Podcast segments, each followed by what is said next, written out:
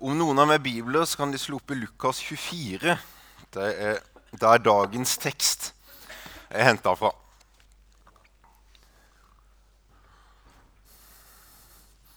Jeg måtte innom kontoret til Knut og låne en bibel her. Med Lukas 24 i min bibel var dessverre revet over. Nei, ikke vet jeg hvem. Så det ble litt vanskelig å lese den.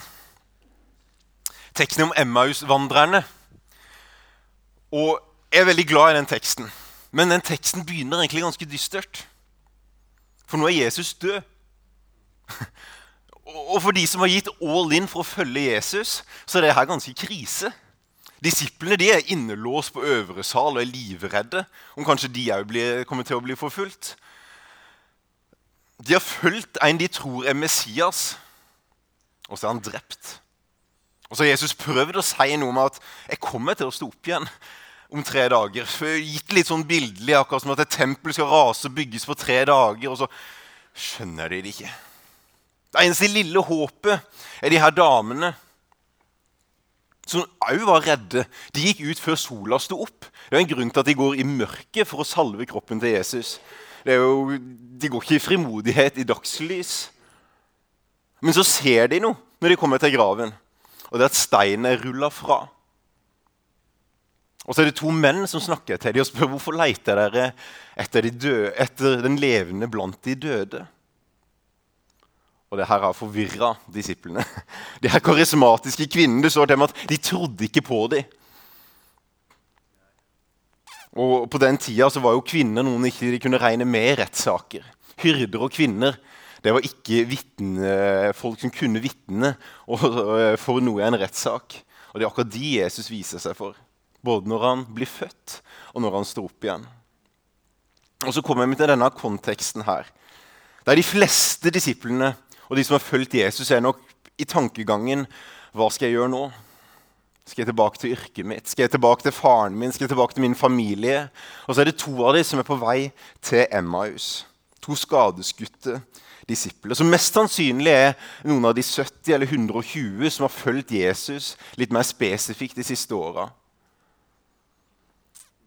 Og så går de da rett vest, som er retningen Emmaus, i nedoverbakke. Og mens de går der med tunge hjerter, så kommer Jesus og snakker med dem. Og Jeg leser fra Lukas 24, 13 og utover. Og La oss gjøre noe så gammeldags som å reise oss mens jeg leser Skriften.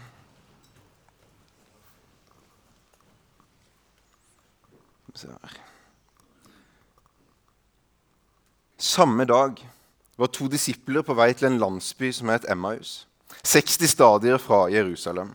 Og de snakket om alt som var skjedd. Mens de nå snakket sammen og drøftet dette, kom Jesus selv og slo følge med dem. Men øynene deres ble hindret i å se, da de ikke kjente ham igjen. Han sa til dem, 'Hva er det dere går og snakker så ivrig om?' Da stanset de og så bedrøvet opp. Den ene, som het Kleopas, svarte, 'Du må være den eneste tilreisende i Jerusalem som ikke vet hva som har hendt disse dager.' 'Hva da?' spurte han. 'Det er med Jesus fra Nasaret.' svarte de. Han var en profet, mektig ord og gjerninger for Gud og for hele folket. Men øverstepresten og rådsherrene utleverte han og fikk han dømt til døden og korsfestet ham. Og vi som hadde håpet at det var eh, han som skulle befri Israel dessuten. I dag har det gått tre dager siden det hendte. Men, men nå har noen kvinner blant oss gjort oss forvirret. De gikk til graven tidlig i dag morges, men de fant ikke kroppen hans. Og De kom tilbake og fortalte alt som hadde hendt. Og Det var et syn om noen engler som sa at han lever. Noen av våre egne gikk da til graven, og de fant det slik som kvinnen hadde sagt. Men han selv så de ikke. Da sa han til dem, så uforstandige dere er. Så trege til å tro alt det profetene har sagt. Måtte ikke Messias lide og så gå inn i sin herlighet? Så begynte han å utlegge for dem det som står om han i alle skriftene, helt fra Moses av og hos alle profetene. De nærmet seg nå den landsbyen de skulle til, og han lot som han skulle gå videre. Men de ba ham inntrengende. Bli hos oss. Det lir mot kveld, og dagen heller. Da gikk han inn, og så ble han hos dem. Og mens han satt til bords hos dem, så tok han brød, ba takkebønn og brøt det og ga til dem. Da ble øynene deres åpnet, så de kjente ham igjen. Men han ble usynlig for dem, og de sa til hverandre.: Brant ikke hjertene i oss da han talte til oss på veien og åpnet Skriftene for oss? Og de brøt opp med en gang og vendte tilbake til Jerusalem. Der fant de alle de elleve vennene dere samlet. Og disse sa, 'Herren har virkelig stått opp og har vist seg for Simon.' Og Så fortalte de to om det, de, om det som hadde hendt med dem på veien, og hvordan de hadde kjent ham igjen da han brøt brødet. Vær så god, sitt.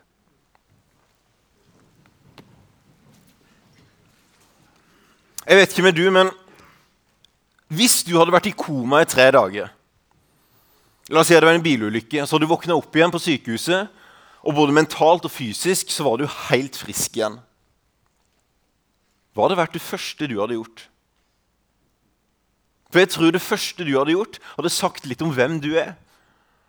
Hadde det første vært at du løp hjem til kone og barn, så hadde du sagt noe om prioriteringene dine. Hadde det første gjort det var å bestille pizza, så hadde det sagt noe om hvem du er. Eller om det var å få opp mobilen for å sjekke åssen det gikk med seriekampen som var forrige søndag. Det hadde sagt noe om dine prioriteringer.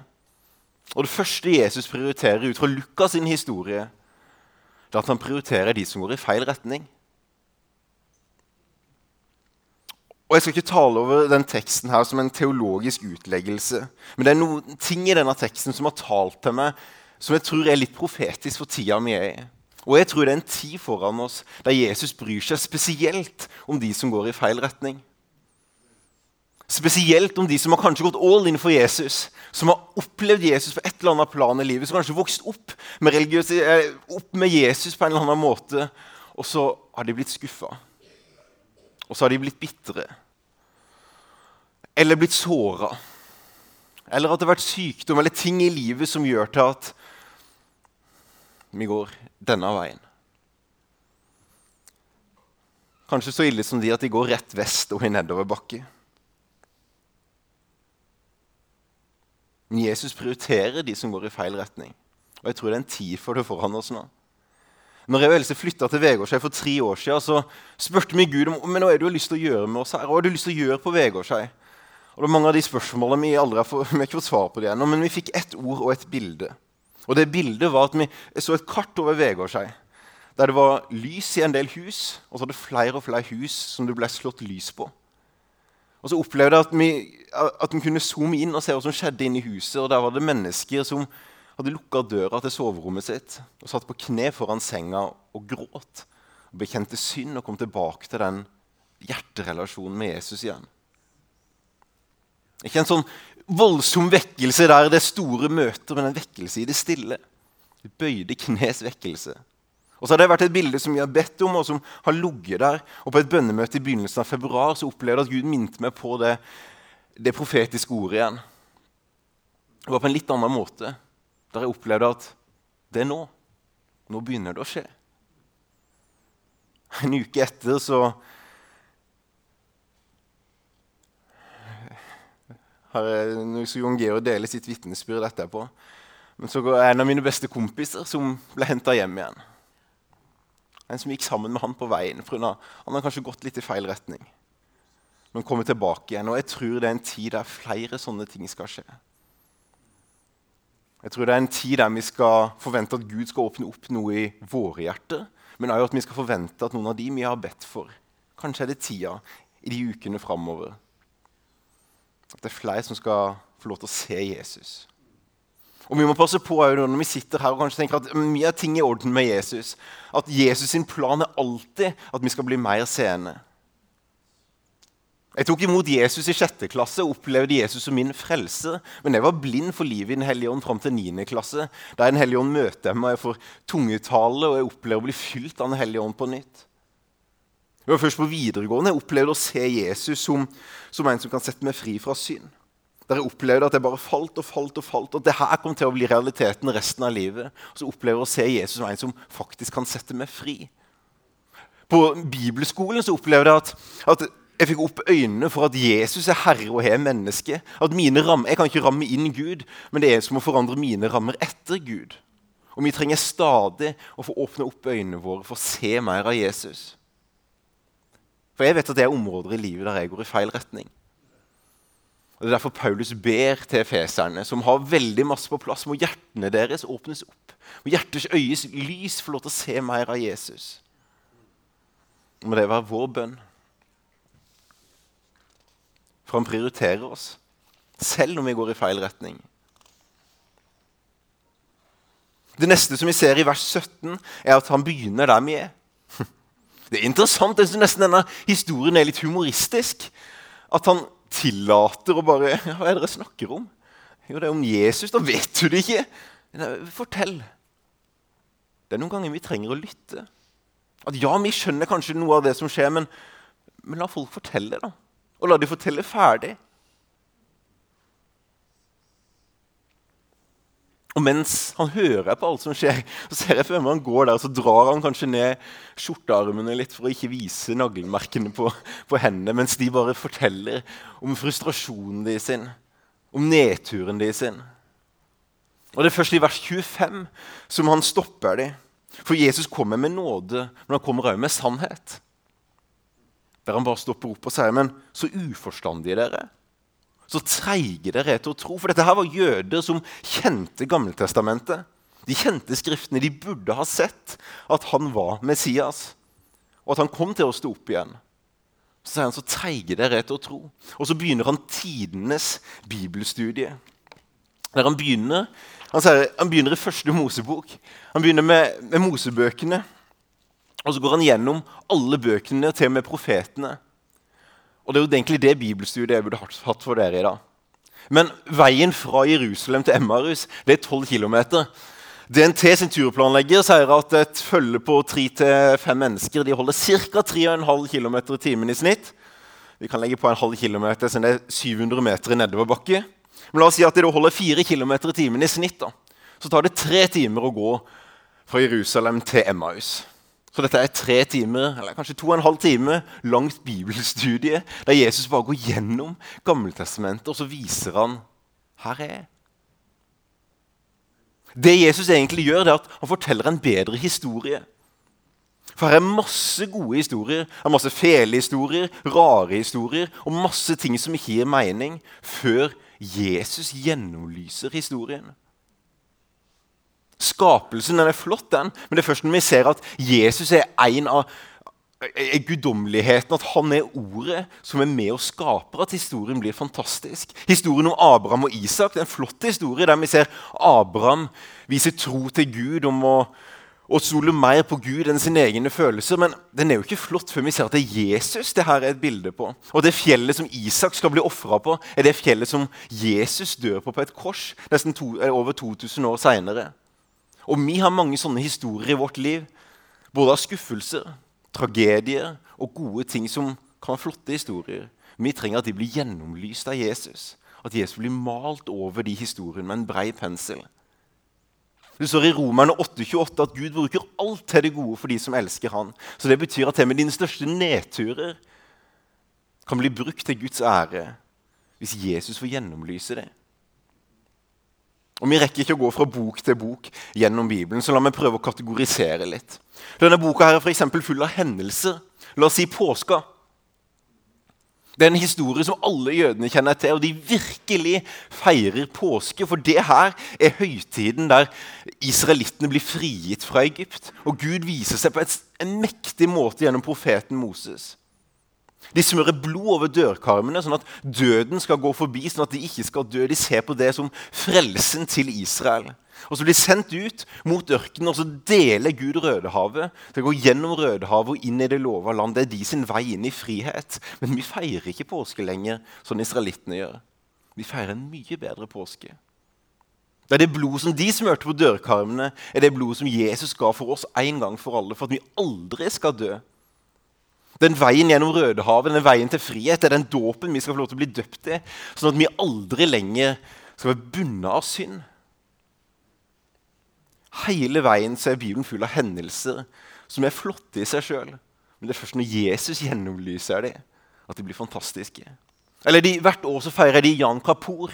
Det er den store høytiden der, der øverstepresten får lov til å gå inn i tempelet. Det er én gang i året å få sone seg med Gud. For de trengte en mellommann.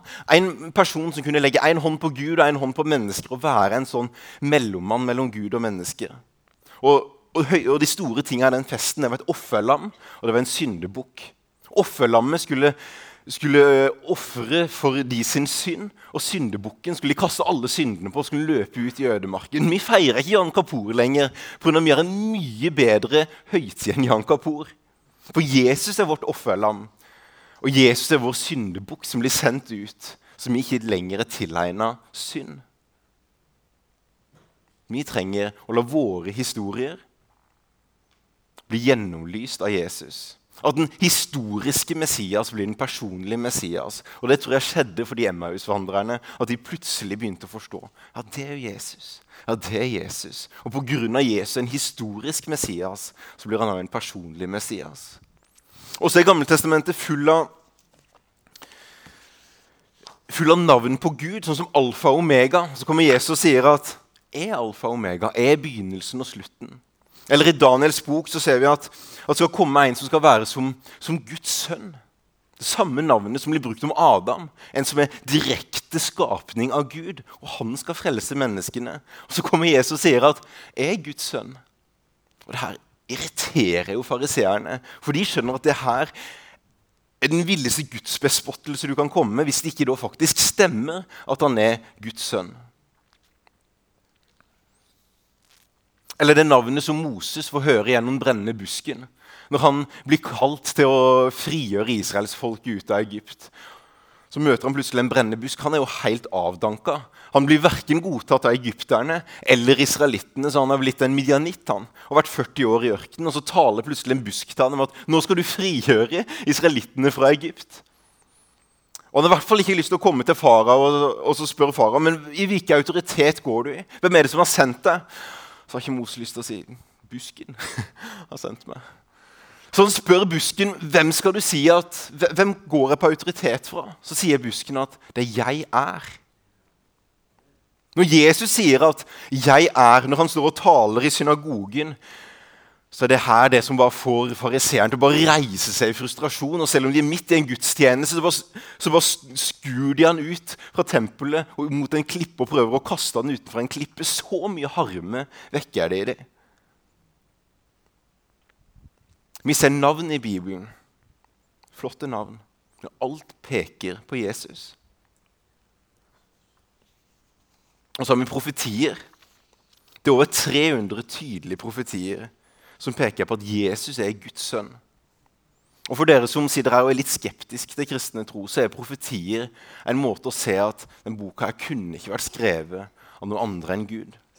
Det er så nøyaktig. Og for meg som tenker at det her er virkelig Guds ord, så er det en oppmuntring for oss til å se at Gud er en god pappa som sier det han mener, og mener det han sier. Så når vi leser i Bibelen, så kan vi stole på at det kommer til å skje.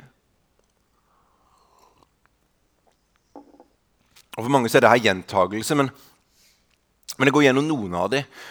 Og det er jo f.eks. at i, i Mika 5,2 så står det jo om hvor han skal bli født. I Betlehem, f.eks. Så det er ikke sånn at det er tilfeldige ting som gjør at han sjøl kan styre og prøve å oppfylle profetiene for seg sjøl. At han, han, kjenner Skriften så godt at han bare går rundt og så prøver han å oppfylle alle greiene. For det står om hvor han skal bli født. Og så tenker vi, men Var Jesus fra Betlehem, da?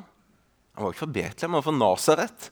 Det var en ond konge som måtte ha en folketelling som gjorde at Maria og Josef akkurat fra, rakk fram til Betlehem, sånn at ordet i Mika 5,2 skulle bli oppfylt. Og han skulle bli født av en kvinne. Og Vi leser fra første Mosebok 1,3 at det skal være fra kvinnens sæd. Det er jo ikke noe mening. Og ja, Det er ikke en far. da. Det skal være en jomfru som kommer med barn, som det står òg i Jesaja. Og I Malaki 1,3 står det om når han skal bli født. For han skal komme inn og presentere seg i tempelet. Vi vet at tempelet blir rast i år 70 etter Kristus. Så det er med innenfor en viss tidsramme som Jesus må komme. Daniel er så spesifikk at, at han har regna ut Han sier dagen som fra eh, fra Nehemia skal begynne å bygge opp igjen tempelet til, Jerusalem, rir, til Jesus rir inn i Jerusalem, presenterer seg som konge, så sier han akkurat hvor mange dager det skal være. Og på dagen så rir Jesus inn i Jerusalem. Det gjør til at det er mange, mange teologer som kanskje ikke tror at dette er Guds ord, som prøver å omdatere Daniel til å være, komme mye seinere, og at folk har skrevet de ettertid, for den er så presis. Og alle de profetiene peker mot Jesus. Han fikk en arbeidsbeskrivelse. Døve skal høre, blinde skal se, lamme skal gå. Han skal fortelle ting i lignelse, være uten synd. Det står til om hvordan han skulle dø. At han skulle bli bedratt for 30 sølvpenger. Og I Salme 22 står det at han skulle bli drept på et kors. Hendene hans og føttene skulle bli nagla til et tre. Det var til og med 300 år før korsfestelsen var oppfunnet av romerne. Isaiah 52 leser vi men skylden som vi alle hadde, lot Herren ramme ham. Han ble mishandlet og plaget. Han åpnet ikke munnen. Like et lam som føres bort for å slaktes. Like en sau som tier når den klippes. Han åpnet ikke sin munn. Vi ser han personifisert gjennom Bibelen. Abraham som får besøk i teltet sitt av en skikkelse. Han har et møte med Jesus. Eller Jakob som går opp denne stigen og kjemper med Gud. Han kjemper med Jesus. Jeg lurer på om Jesus går gjennom her og så bare Ser dere det ikke? Ser dere ikke at alt her handler og peker mot meg? Eller vennene til Daniel som ble kasta i den brennende, eh, brennende mm, ovnen. Møter en person som går rundt sammen med de inni den ovnen. Og Nebukadneser blir så fascinert at han påkaller alle at skal tilbe de her sin gud etter at det her skjer. Eller Jesaja, som ser Gud på tronen. Og da bekjenner at jeg er bare en syndig mann, så du må komme og rense meg, Jesus. Den samme personen som Johannes ser Johannes' åpenbaring, Gud på tronen. Samme person som vi kommer til å se når vi kommer til himmelen. Jesus på tronen, kongenes konge og herrenes herre. Og så har vi masse personer gjennom hele Bibelen som er flotte personer i seg sjøl, men som i bunn og grunn er bilder på Messias. Som Adam, for eksempel, som blir sett på som den første Adam. Han ble frista i en hage. Så kommer den siste Adam og vinner liv i en hage. Den første Adam blir overvunnet av Satan. Den siste Adam er den som overvinner Satan. Vi er alle født av Adam, men vår bønn er at vi alle skal bli gjenfødt av den nye Adam, som er Jesus. Og så har vi Noah, den ene rettferdige som blir kalt ut til å redde noen mennesker fra synden. Som bare er et lite bilde på Jesus, som skal være den rettferdige som redder mange flere mennesker. Som i Abraham, kalt ut fra sitt behagelige land til å være en pilegrim i et nytt land. For en ny slekt. Jesus han går avkall på sitt eget. Så det ikke som et rov å være menneskelik og en pilegrim her for å starte en ny og mye bedre slekt. Med Josef han ble mishandla av sine egne, men reist opp for å redde mange mennesker. Jesus var mishandla av sine egne og igjen reist opp for å redde enda flere mennesker. Eller David, den uforventa kongen som egentlig bare var en tjenestegutt av en hyrde. Så kommer Jesus som heller ingen kjente til. Ingen kjente til hvor han kom fra. Og som blir reist opp til å være både hyrde og konge. Mye bedre enn David. Eller Jonah. Han er fisken i tre dager. Jesus er i graven i tre dager. Jonah eh, står opp og så redder han en halv million mennesker i Ninive. Jesus redder enda flere mennesker. Det er flotte historier. Og vi kan ha gode historier i vårt liv. Men det er når Jesus gjennomlyser dem, at de blir fantastiske. Vi trenger at denne boka her blir gjennomlyst av Jesus, og så trenger vi at livet vårt blir gjennomlyst av Jesus. Og så har vi typer. Jeg må nesten ha med Boas òg. Han er denne gode mannen som kunne valgt hvilken som helst kone. Han har det perfekte rullebladet. Han er rik. Han sitter i byporten og diskuterer ting med de vise der. Han kunne valgt hvem som helst. Og så velger han Ruth. Denne her eh, kvinna som har mista mannen sin, som eh, etterhenger etter en svigermor som er så lei seg at hun bytter navn til Bitter. Så han får med seg en svigermor på kjøpet. Denne, denne her tar han til kone, og så er Jesus en bedre Boas. Har det perfekte rullebladet, men så velger han en som ingen andre ville valgt. Han velger kirka. Han velger oss. Og så har vi typer i Bibelen som prester.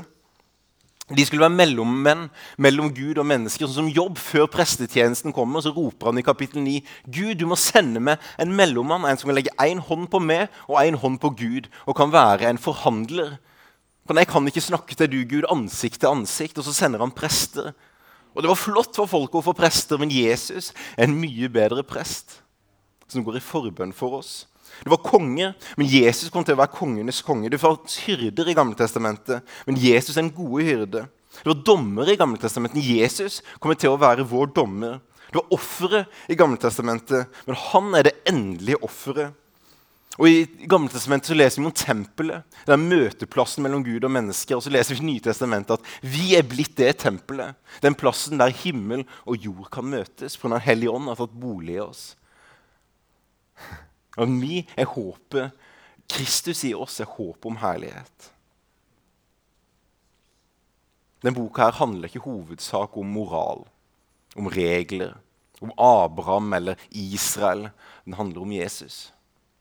Vår historie handler ikke hovedsakelig om våre oppturer og nedturer, våre talenter eller våre fiaskoer. Det handler hovedsak om Jesus. Og Jesus ønsker å gjennomstråle vår historie, sånn som han gjorde med Emmaus-vandrerne. Det neste som skjer i historien, i vers 28 Nei, videre i vers, jo, i vers 28. De nærmet seg nå landsbyen de skulle til, og han lot som han skulle dra videre. Jesus er en gentleman. Han trenger seg ikke inn i livet ditt. Når Jesus underviser disiplene om bønn i Lukas 11, så blir jeg nesten overraska over Jesus. Hvorfor skal vi være så pågående, da? Først så gir han en historie om, om, en kvinne som maser på en konge helt til han bare ikke gidder å høre på mas lenger. Og så gir han det hun trenger. Og Den andre historien er at en kommer et tegn på natta og maser om å få brød. Og Dette er på en måte historie der Jesus sammenligner med bønn. Han ønsker at vi skal be inntrengende om at han skal komme inn i vårt liv. Og ønsker at vi skal be inntrengende om at han skal komme inn i andre sitt liv. Og jeg tror det er en tid som jeg begynte talen med, der vi trenger å be litt mer inntrengende. Det er noen ganger når Gud viser noe for oss, at jeg har fått en økt tro på at vi kommer til å se flere av de typer vitnesbyrder i tida framover. Og Det er ikke sikkert at det resonnerer i ditt hjerte, men hvis du kjenner at det resonnerer hos deg, så er det kanskje en tid for å intensifisere litt. Be litt mer for de menneskene som du kanskje har mista litt troa på at skulle vende tilbake til Gud. De som har gått rett vest altfor lenge. Og Jeg står ikke i autoriteten til å kalle dere til bønn og faste i en periode, eller noe sånt, men jeg kan komme med en invitasjon. Alle bibelske invitasjoner er frivillige, utenom å gi hjertet fullstendig til Jesus, han på førsteplassen så tvinger ikke Jesus oss til å lese Bibelen. Han tvinger oss ikke til å be. Han tvinger oss ikke til noe som helst, men han inviterer oss. Og Jeg har lyst til å komme med en invitasjon. Det er fire uker nå til påske. Vi er i fastetida. Og Det er ikke en sånn tradisjon som statskirka plutselig fant opp for noen år siden. Dette er en tradisjon som vi har fra 300 år etter Kristus. At kristne jevnlig har fasta og bedt. At de skal se mer av Jesus i eget liv, for at flere mennesker skal komme til å tro på han. Om du kjenner det resonnerer noe i det, at ja, jeg blir minnet om personen nå som jeg skal be for. Eller jeg trenger å få en større sult etter at Jesus skal komme inn i mitt liv. Kanskje vi kunne tatt én dag i uka da vi avstår fra mat. Si fra middag til middag. Og hver gang du kjenner den sulten komme, så kan du tenke Åh, jeg inviterer deg inn, Jesus. Jeg vil ha større sult etter du enn for mat. Og jeg ber for den personen som du har minnet meg på. La han komme hjem. Hadde ikke vært fantastisk om vi kunne samles her første påskedag og delt vitnesbyrd om hvem som skulle komme hjem igjen. Jeg tror det er en tid at flere mennesker skal komme hjem i tida framover. Men det er en invitasjon og ikke noe annet enn det. Og så går han inn og så har han fellesskap med dem. Noe av det viktigste vi kan gjøre både med Jesus og med folk rundt oss, Det var fellesskap. Og som en sånn boost både for egen del og for å be for mennesker som står utenfor. Så jeg har lyst til at Jon Geir, hvis du er klar, kan du få lov til å dele ditt vitnesbyrd mot slutten. Ta en av de, du. Så tar jeg en av Hei sann. Um, fram til jeg var ca. 25, så uh, jeg griner litt. Men det er ikke fordi jeg er lei meg. Det ble litt sterkt uh, møte med Hellig Ånd her. Uh, når jeg var ca. 25, så uh, Fram til jeg var 25, så levde jeg for Jesus uh, i størst mulig grad. Og det var det jeg ønska. Uh, men etter hvert av forskjellige grunner som egentlig er litt uvesentlig, så um, begynte jeg å få bitterhet til Gud. Eh, og kjente mye sinne og skuffelse. Og da eh, er det naturlig å skyve fra seg den personen du er bitter på. Eh, og jeg skjøv fra med Gud med det jeg hadde. Um, og da gikk jeg ut på den breie vei, som det står i Bibelen, ut i verden. Med mye alkohol og rus en periode. Um, og her for 25. Eh, ja, jeg levde i det i noen år. Og i starten var det befriende. Flott å ut og leve i verden og feste og ha det gøy. Uh, men etter hvert så følte det til at jeg ble deprimert. Og fikk faktisk angst etter hvert. Uh, fram til ganske nylig. Så her uh, 25. så var det ganske mørkt i livet mitt. Eh, da lå jeg Da lå jeg hjemme alene og eh, hadde egentlig mest lyst til å avslutte livet. Så da bestemte jeg meg for første gang på lenge for å be til Jesus. Eh, og jeg rakk ikke begynne å be. Det holdt med et, et, et lite sukk, rett og slett. Så ble jeg fylt med fred. Fullstendig. Eh, helt eh, der frykt og angst forsvant med en gang. Så To dager etterpå så ble jeg invitert med på lovsangskveld, eller bønn og lovsang. Der jeg fikk eh, bekjenne at jeg skamma meg, for jeg bar, mye på skam. Og det er faktisk det verste et menneske bærer på etter en sånn periode. Eh, og da fikk jeg bekjenne at jeg skamma meg for det jeg hadde gått i. Og jeg blei satt fullstendig fri fra skam eh, den kvelden to dager etterpå. Så Gud er god, og han, eh, han kommer virkelig gjennom når han tør å belyse og slippe hans lys til. Så kommer han gjennom. Han svikter ikke.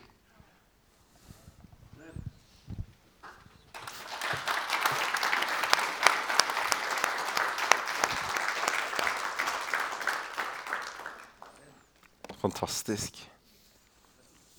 Det er ingenting mer oppmuntrende når det livet kommer nært på kroppen. Og Jeg tror vi skal se flere av de historiene. Det siste jeg har lyst til å belyse kort, er det som står på slutten av teksten. For Jesus bryr seg om de som går i feil retning. Han møter oss der vi er. Han ønsker å omskrive historien vår til en bedre historie. De historiene vi har hatt, sletter han det ikke ut. Han gjør det ikke om. Han bare putter Jesus oppå. Han omskriver ikke Gammeltestamentet. Der han sletter, dette er ikke med. Dette er ikke, Han bare putter seg sjøl oppå. Viser at dette handler om meg. Det neste han gjør, er å starte et fellesskap. Og så gjør han noe helt konkret. Og Det er noe vi ofte kan glemme litt i litt sånn, kanskje frie menigheter det som katolske kirker kaller sakramenter, det som lutherske kirker kaller nådemidlene. Det er noen ting som Gud har gjort oss litt avhengige av. En av de tingene er nattvær, som fikk de her til å åpne opp øynene sine. At vi fysisk tar del i Herrens legeme og blod. Det, det kan gjøre noe med øynene våre, og åssen vi ser Jesus, våre åndelige øyne. Dåpen Vi må ikke glemme kraften som det kan gjøre med å sette oss fri. Og Det siste som heter opp her, er det med håndspåleggelse.